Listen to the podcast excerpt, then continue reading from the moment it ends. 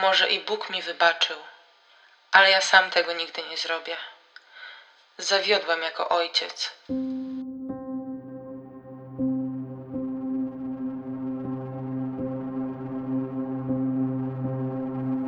Dzień dobry moi drodzy. Słuchajcie, chciałam serdecznie podziękować osobom, które obserwują mnie na Spotify. Ostatnio w kategorii True Crime zbrodnia do kwadratu zajęła najwyższe sobie do tej pory miejsce szczęśliwą trzynastkę. Teraz już zapewne trochę spadła, ale i tak cieszyłam się z tego wyniku.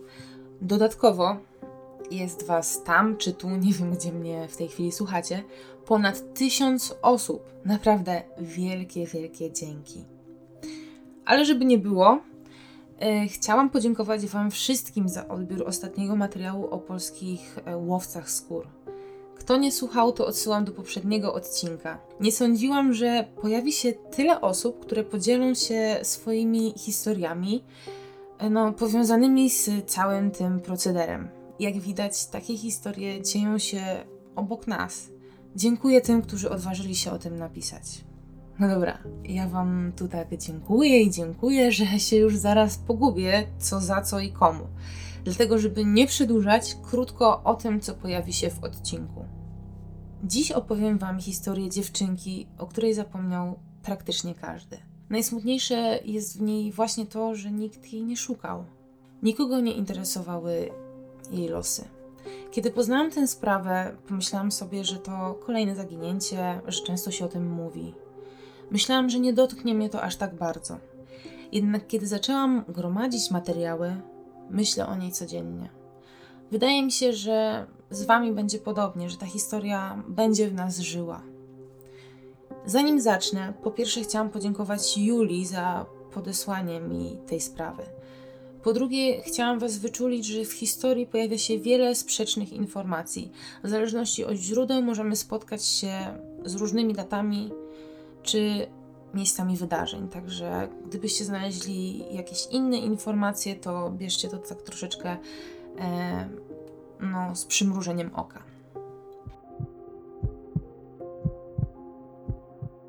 Erika Lynn Parsons przychodzi na świat 24 lutego 1998 roku w Mooresville w Karolinie Północnej.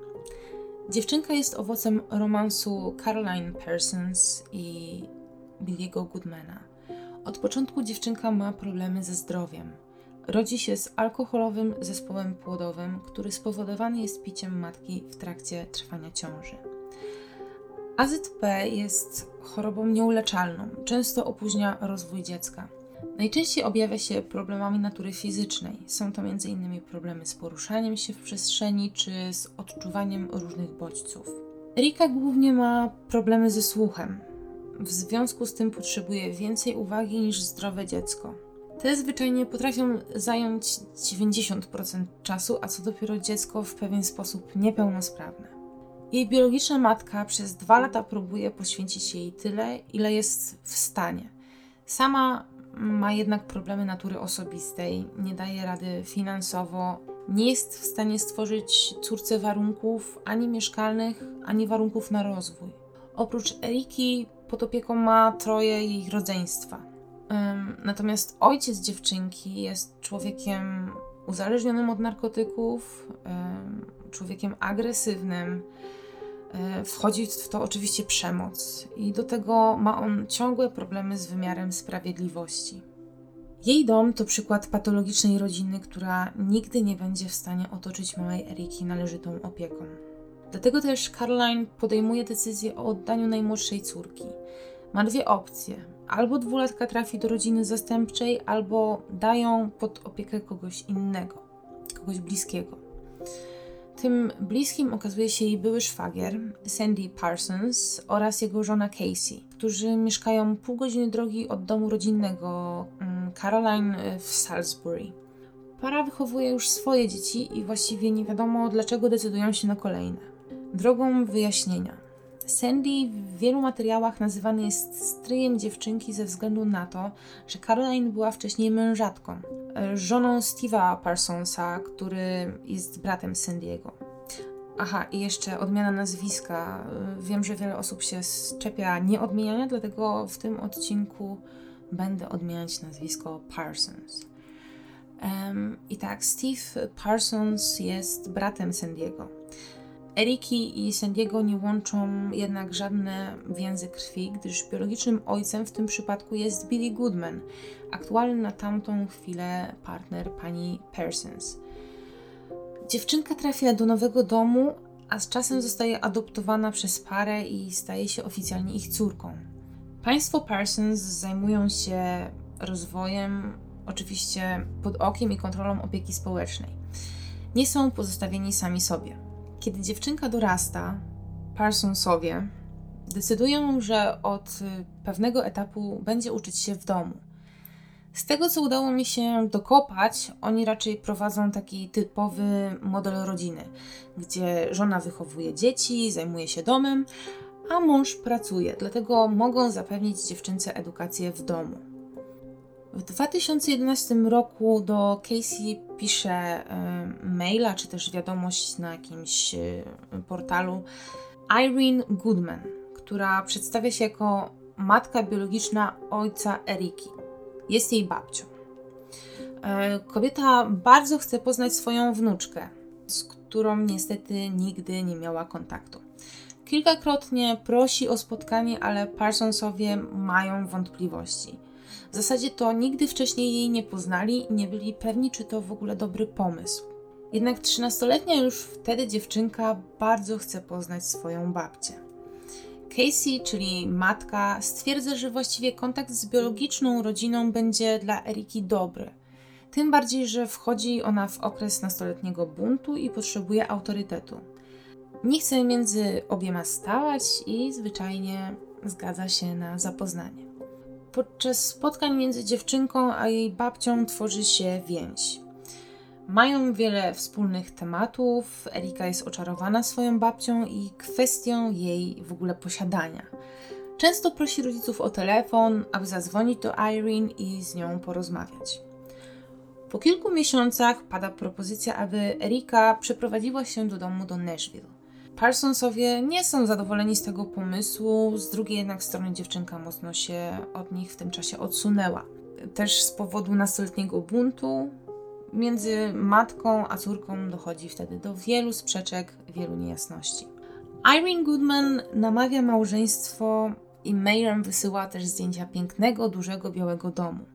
Pokazuje, jakie warunki może zapewnić swojej wnuczce i obiecuje wychować ją na, do, na dobrego człowieka. Bijąc się z myślami, w końcu wspólnie Casey i Sandy decydują się oddać Erikę jej biologicznej babci. Na początku na kilka tygodni, 17 grudnia ma jechać do babci i spędzić u niej okres świąteczny. Dziewczynka podczas spotkania w McDonaldzie zwyczajnie nie wraca już z rodzicami do domu. Jedzie z babcią. Ta każe się nie przejmować ciuchami czy rzeczami osobistymi, gdyż jest w stanie wszystko to wnuczce kupić na miejscu. I tak Erika ląduje u swojej babci w Nashville. Podoba jej się tam tak bardzo, że chce zostać na stałe. Prosi o to rodziców, a ci się zgadzają. Casey tłumaczy, że wiele osób namawiało ją do tego, by nie odbierała szczęścia córce. Jeśli u Irene jest jej lepiej, jeśli dobrze się dogadują, no to niech tam zostanie. Początkowo dziewczynka telefonicznie kontaktuje się czy to z matką, czy z ojcem. Jednak z czasem napięta atmosfera sprawia, że ta nie chce mieć nic wspólnego z rodziną Parsonsów. Erika przez telefon nazywa swoją adopcyjną matkę suką i nie chce widzieć jej w ogóle na oczy. Sandy i Casey godzą się z tym, e, godzą się z tym, że ich adoptowanej córce jest lepiej, że niekoniecznie chce się z nimi spotkać czy rozmawiać. Każdemu, kto pyta, opowiadają historię o babci i sprawa nie jest specjalnie rozgrzebywana. Tak spokojnie mijają miesiące, opieka społeczna nie dopytuje. Jeszcze w lutym 2012 roku rozmawiają z Eriką przez telefon. Jednak wszystko zmienia się 30 lipca 2013 roku, gdy Jamie Parsons pojawia się na posterunku policji i zgłasza, że nie widział swojej adoptowanej siostry od 19 listopada 2011 roku. Mówi, że Erika została zamordowana przez jego rodziców i zakopana w ich ogródku. Chłopak składa obszerne zeznania. Opowiada o przemocy fizycznej i psychicznej, jakiej dopuścili się całą rodziną względem dziewczynki, o których opowiem Wam w dalszej części tego odcinka, aby zamknąć to taką jedną wspólną klamrą. Rodzice chłopaka zostają aresztowani tego samego dnia i zabrani na komisariat, aby złożyć wyjaśnienia. I składanie tych wyjaśnień trwa blisko dwa dni. W tym czasie dwójka najmłodszych dzieci zostaje zabrana z rodzinnego domu. Mijają dni, a biuro szeryfa w Rowan oficjalnie ogłasza brak współpracy ze strony rodziny Parsons. Dodatkowo ich 20-letni syn Jamie wycofuje zeznania dotyczące zamordowania Eriki. Utrzymuje jednak, że nie widział jej od blisko dwóch lat. Sandy i Casey utrzymują, że Erika jest u swojej babci, Irene Goodman, w Nashville. Jednak nie mają z nią kontaktu, gdyż zepsuły się między nimi relacje. Adresu do domu babci również nie posiadają i nie są w stanie naprowadzić śledczych na żaden trop. W międzyczasie do północnej Karoliny wraca biologiczna matka e, Eriki, Caroline. Kobieta od jakiegoś czasu mieszka w Nowym Orleanie i z córką mm, nie ma kontaktu, a ostatni raz widziały się na grillu w 2011 roku. Według jej zeznań niemożliwe jest, aby Erika była pod opieką babci, która nie żyje. Domaga się wyjaśnień, co stało się z jej córką, tym bardziej, że nazwisko Irene Goodman jest zmyślone i państwo Persons chyba do końca nie wiedzą, komu oddali dziecko. Sprawdzany jest też wątek morderstwa. Policja wraz z FBI i SBI przeszukuje dom oraz posiadłość rodziny, jednak nie znajdują nic. Nic, co mogłoby przesunąć ich chociaż o krok do przodu. W związku z tym Sandy i Casey zostają wypuszczeni z aresztu są zmuszeni walczyć o przywrócenie opieki nad ich dziećmi. Aby oczyścić swoje dobre imię, kontaktują się też z programem Dr. Phil, w którym nagłaśniają całą sprawę. Rodzice są w szoku, że Jamie tak przedstawił sprawę, bo według ich informacji córka przybywa w Nashville ze swoją babcią. Mimo zaprzeczeń biologicznej matki, oni obstają przy swoim. I to taka trochę batalia słowa słowo przeciwko słowu. Caroline twierdzi, że Irene Goodman nie istnieje, Parsonsowie, że na pewno oddali Erikę w dobre ręce. Program doktora Phila ma pomóc rodzinie nagłośnić sprawę i skłonić Erikę do kontaktu z rodziną. Przy drogach pojawiają się billboardy z podobizną dziewczynki, sąsiedzi organizują też czuwania. Rodzice natomiast chcą tylko, aby skontaktowała się z kimkolwiek, powiedziała, że żyje, że wszystko jest z nią dobrze i nie mają o co się martwić. Na antenie opowiadają o pani Goodman, ale kiedy Phil pyta o dowody materialne, chociażby maile czy zdjęcia domu, które podobno Casey w 2011 roku dostała pocztą, ta twierdzi, że już ich nie ma. Prowadzący jest zaskoczony. No bo jak można zniszczyć takie dowody? Właściwie jedyne, które mm, potwierdzić mogłyby ich opowieść.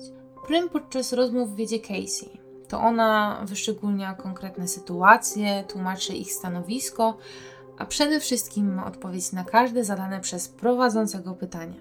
Sandy opowieści żony potwierdza, od siebie właściwie dodaje niewiele więcej.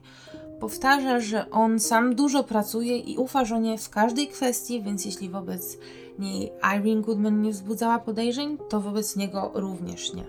Sobie nie mają nic do zarzucenia. Uważają, że dali dziewczynce tyle, ile mogli. Casey twierdzi, że cała ta sytuacja to jedno wielkie nieporozumienie spowodowane tym, że Erika przestała mieć e, z nimi dobre relacje tak jak wspominałam raz podczas rozmowy z babcią dziewczynki, Casey miała usłyszeć w tle, jak ta mówi: Nie chcę, aby ta suka przychodziła na moje urodziny. W programie adopcyjni rodzice płaczą i mówią, że tęsknią za córką. Tylko oglądając to nie wiem, czy żal im jej, czy się wie, że zostali postawieni w takiej sytuacji. W mieście są szykanowani, ludzie są podejrzliwi, a media nie dają im spokoju, do tego stopnia, że muszą wyprowadzić się z miasta. W międzyczasie na policję zgłasza się coraz więcej osób opowiadających o niepokojących sygnałach, które przejawiały się w przeszłości, kiedy Erika mieszkała jeszcze w Moolsville. Zeznaje rodzina biologiczna Eriki, zeznają rodzice Sandiego, opieka społeczna, a nawet dzieci Parsonsów. Państwo Parsons, czyli teściowie Casey, rodzice Sandiego, oni też są podejrzliwi względem całej tej sytuacji. Dla nich synowa jest kobietą z piekła rodem, która nienawidzi córki, bo za bardzo przypomina jej biologiczną matkę, Caroline Parsons. Ogólnie dziewczynka miała zabronione nazywanie Casey mamą czy Sandiego tatą. No i wychodzi też fakt, że kiedy Erika miała 5 lat, trafiła na rok pod opiekę siostry Casey. Ta miała y, zgłosić wtedy znęcanie się nad dziewczynką. Twierdziła, że kiedy pięciolatka ją odwiedziła, zobaczyła na jej ciele masę siniaków świadczących o przemocy. Wielokrotnie w przeszłości zgłaszano znęcanie się nad dziewczynką, zgłaszano to anonimowo, ale rodzina Parsons wie, kto to robił. Według Casey jej teściowie zwyczajnie jej nie lubią i dlatego kłamią, aby zniszczyć ją przed opinią publiczną oraz śledczymi. W programie na wierzch wyciągane są też brudy rodzinne. Siostra Casey wyjawia, że Casey w przeszłości zaoferowała parze starającej się o dziecko bycie ich surogatką. Kobieta oczywiście wzięła od nich za to pieniądze, jednak w pewnym momencie zadzwoniła i powiadomiła ich o poronieniu.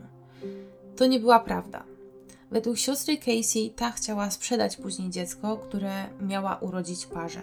Casey na antenie tłumaczy się, że to nie tak, że to kobieta, której miała urodzić dziecko, kazała jej poddać się aborcji, gdyż rozmyślili się i dziecka nie chcieli, więc ona, jako um, dobra matka, chciała to dziecko zachować dla siebie.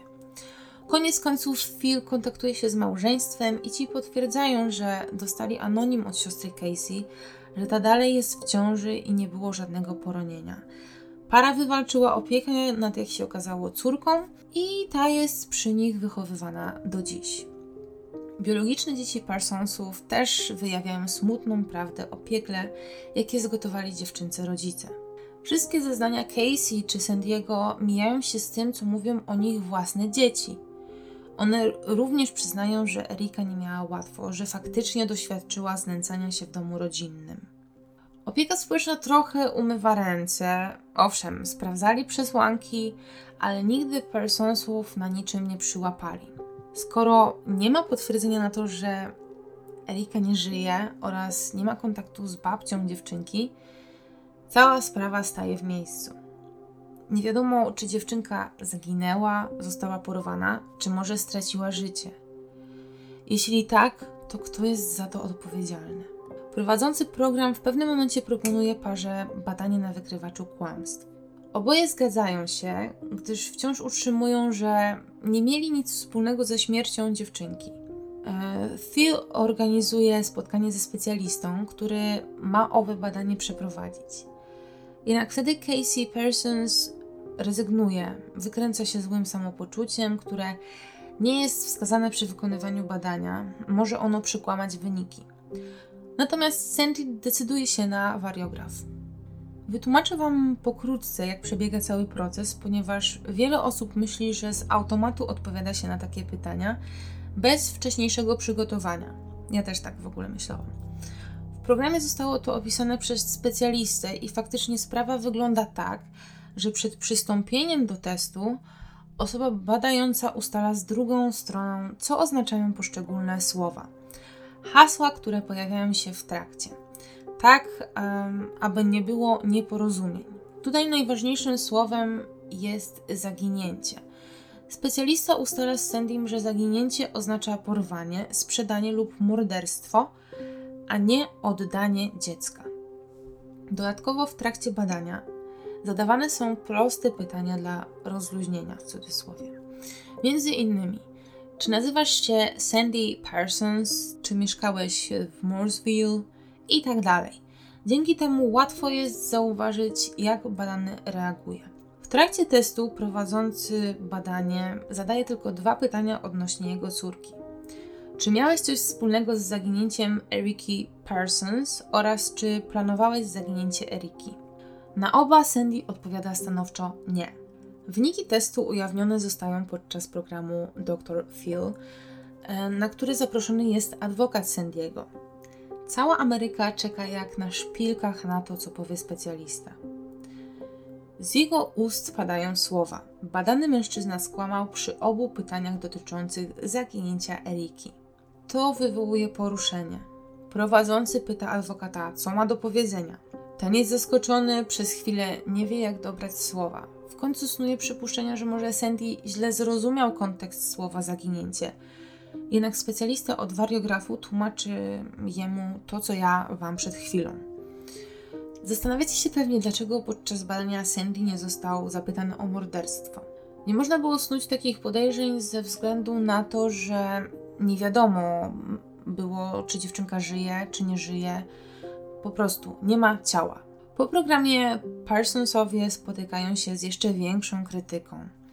Jednak nic nie można im udowodnić. Po roku od wizyty Jamie'ego na komisariacie policji, Sandy i Casey zostają zatrzymani i skazani. Ona na 10 lat, on na 8. Jednak sprawa kręci się wokół innego przestępstwa, jakie popełnili. Małżeństwo ląduje w więzieniu za defraudację pieniędzy.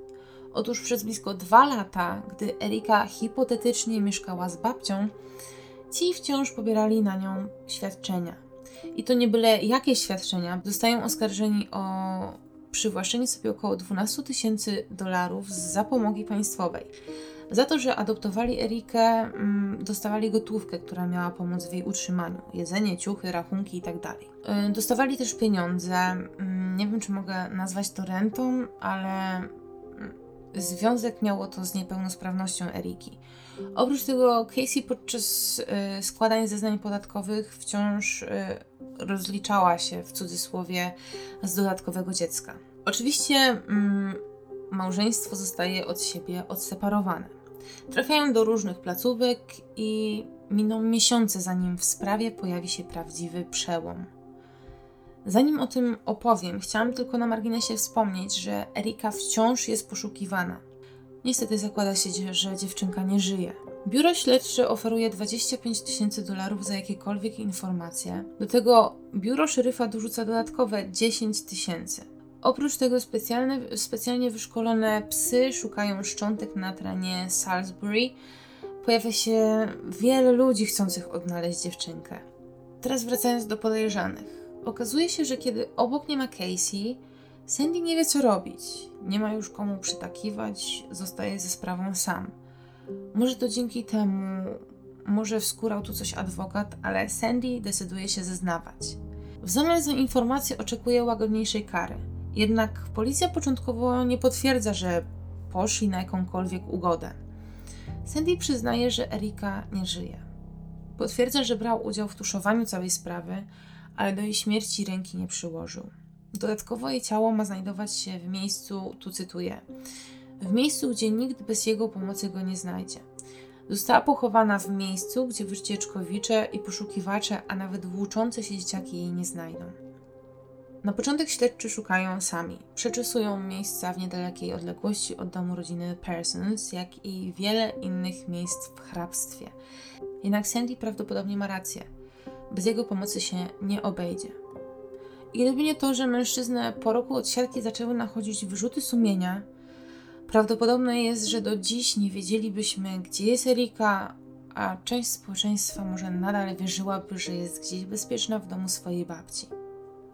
27 września 2016 roku Sandy jedzie z policjantami na miejsce. Dziewczynka jest zakopana w niedalekiej odległości od domu rodziców mężczyzny. Delikatnie każe on zboczyć kierowcy z głównej drogi, i tam właśnie pośród sosen znajduje się jej grób, który Persons idealnie wskazuje dochodzeniowcom. Zaraz potem zostaje zabrany do wozu policyjnego i tam puszczają mu emocje. Sandy Parsons zaczą, zaczął płakać. I może w tym momencie zdał sobie sprawę, że historia, jaką przedstawia od kilku lat z żoną, nie jest prawdziwa. Szczątki dziewczynki zostają bardzo szybko wykopane. Nie znajdują się w ziemi zbyt głęboko. Dla potwierdzenia wykonane są oczywiście testy DNA i one też szybko potwierdzają, że są to szczątki Eriki. Sam szkielet jest w opłakanym stanie. Podczas badań lekarz stwierdza liczne zaniedbania. Dziewczynka przede wszystkim miała chociażby niezrośnięte ramię, które było złamane niedługo przed jej śmiercią. Wiele obitych miejsc, które świadczą o przemocy. Miała złamania na nosie, szczęce, żebrach i kręgosłupie. Według osób biorących udział w sekcji, Erika, jak na swój wiek, źle się rozwijała. Stan jej kości świadczy o niedożywieniu. Ogólnie ciężko jest ustalić przyczynę zgonu. Koronerzy zakładają, że mogło być to uduszenie, ale nie mogą potwierdzić tego w 100%. Oficjalnie Erika zmarła z powodu przemocy o nieokreślonych środkach. Skąd te wszystkie ślady?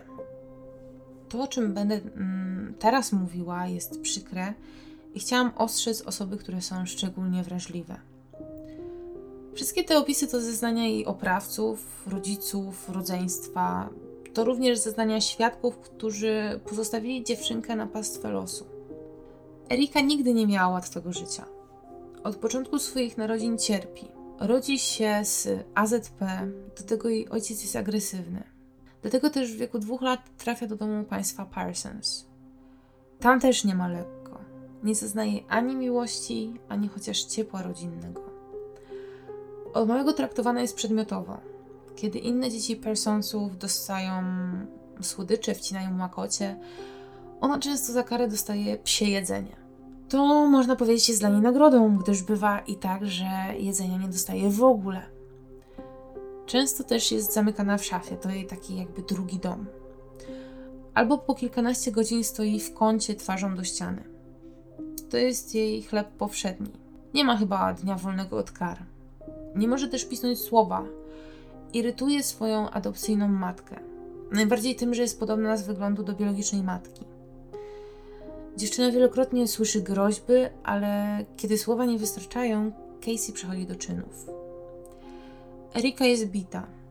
Czy przez nią, czy przez Sandiego, czy przez rodzeństwo. Sam Sandy przyznaje po latach, że bił, dopóki nie zaczynała krwawić. Bił ją pasem ze sprzączką. Mm, dziewczynka ma wiele śladów, wiele siniaków. Dzieci znają, że matka e, wykręca Erice palce tak, aby je połamać. Dziewczynka jest też bita po głowie. Kiedy ślady zostają zauważone, no to biją tak, żeby ich nie było widać. Podobno to jeden też z powodów, przez które została wypisana ze szkoły, żeby nikt nic nie zauważył. Bo i tam też troszeczkę zaczęto się interesować, ale niespecjalnie mocno.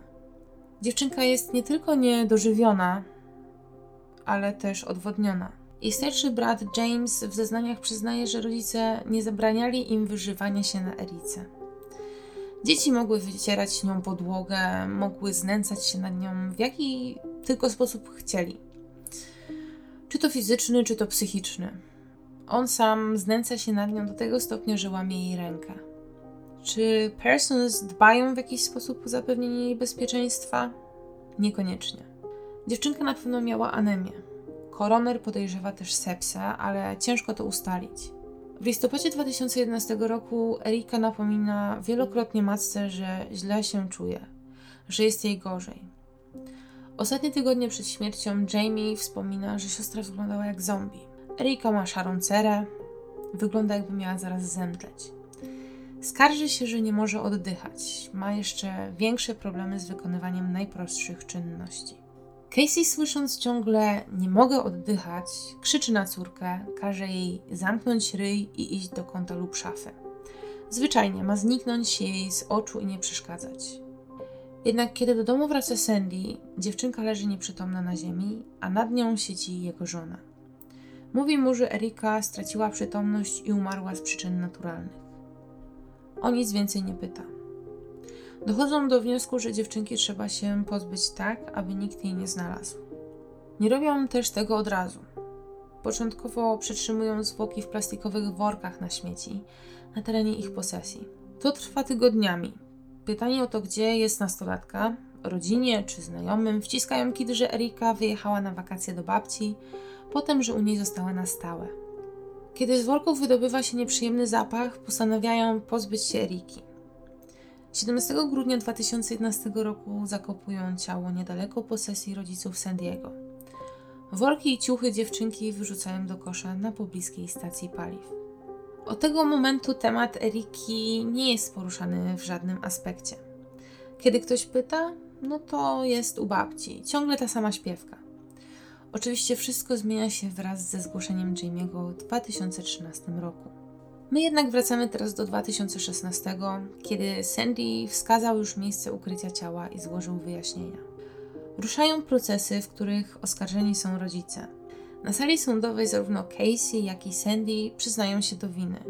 Są oskarżeni o zaniedbania względem córki i doprowadzenie do jej śmierci. Oboje płaczą. Sandy mówi: Może ludzie mi wybaczą, Bóg to zrobił, ale ja nigdy sam sobie tego nie wybaczę. Twierdzi, że miał klapki na oczach, nie widział, przez co przechodzi Erika. Zawiodłem jako ojciec, mówi. Proces w 2019 roku zostaje podzielony na dwie osobne sprawy. Małżeństwo ma być sądzone oddzielnie. Po długich bataliach sądowych Casey Parsons zostaje skazana na dożywocie bez możliwości warunkowego zwolnienia za morderstwo pierwszego stopnia. Mówi się, że to ona głównie jest odpowiedzialna za cierpienie Eriki. Więziła ją w szafie, stawiała w kącie, wykręcała ręce, biła paskiem. Pozwalała własnym dzieciom na przemoc. Jej śmierć planowała i była na tyle wyrachowana, że dalej pobierała na dziewczynkę świadczenia. Tylko to się dla niej liczyło. Prawnik Sandiego Parsonsa um, udowadnia, że jego udział był mniejszy. Mężczyzna zostaje skazany za morderstwo drugiego stopnia i zasądzona jest mu kara 43 lat więzienia z możliwością ubiegania się o zwolnienie po upływie 33 lat. Oskarżyciele wnioskowali o 80 lat więzienia, jednak ostatecznie wyrok był inny. Z niego też nie jest zadowolona rodzina dziewczynki. Wszyscy mieli nadzieję, że ten również będzie sądzony za morderstwo pierwszego stopnia. Aktualnie małżeństwo odsiaduje swoje wyroki. Prasa od czasu do czasu sprawdza, co słychać u nich e, czy u ich dzieci i zamieszczają nowinki w sieci, chociażby to, że Jamie został oskarżony o bigamię. E, ciekawa jestem, jak potoczą się losy ich dzieci, wychowanych z przyzwoleniem do przemocy wobec innych. Miejmy nadzieję, że już więcej nie usłyszymy o, o tej rodzinie w takim kontekście. Smutne jest to, że o Erice zapomniała cała Ameryka. Cały świat tak naprawdę. Że nikt bliski jej nie szukał, że nikt nie pomógł jej, gdy była katowana. Posiadanie dziecka wiąże się z odpowiedzialnością i jak widać, nie każdy do tego dorósł. Czy pieniądze w ogóle są warte takiej tragedii? Bo chyba nic więcej z tego nie mieli. Nie wiem, co wy myślicie o tej sprawie. Mną wstrząsnęła do granic możliwości, chyba nie będę dodawać tu nic więcej. Głos zostawiam wam. Oczywiście yy, wszystkie źródła i w ogóle filmiki z rodzicami możecie znaleźć w opisie tego filmu albo na grupie. Na koniec, już odbijając od y, tego tematu, dla zainteresowanych życiem podcastu kilka spraw technicznych. Nie wiem, czy tak to mogę nazwać. Wjeżdżam na urlop, więc odcinki mogą pojawiać się niesystematycznie. Ogólnie chcę wziąć w obroty trochę obszerniejsze tematy i pracuję nad czymś, co wymaga ode mnie sporo czasu. Jeśli chcecie znać aktualności odnośnie podcastu, to śledźcie Instagrama Zbrodnia do Kwadratu lub grupę facebookową na kwadracie u Zbrodni do Kwadratu. Nie wiem, może pora ją troszkę rozruszać. Chciałam Wam też polecić serial W głębi lasu, który pochłonęłam bardzo szybko razem z moją mamą. Akcja trochę się rozkręca, ale mm, no może to trochę zniechęcić, jednak dla fanów tematyki kryminalnej myślę, że to dobry materiał. Mam nadzieję, że Netflix rzuci jeszcze kilkoma fajnymi projektami w stronę polskich reżyserów. No i co? Teraz już się z Wami żegnam. Hmm. Trzymajcie się, kochani, dbajcie o ludzi w swoim otoczeniu i jesteśmy w kontakcie. Pa, pa.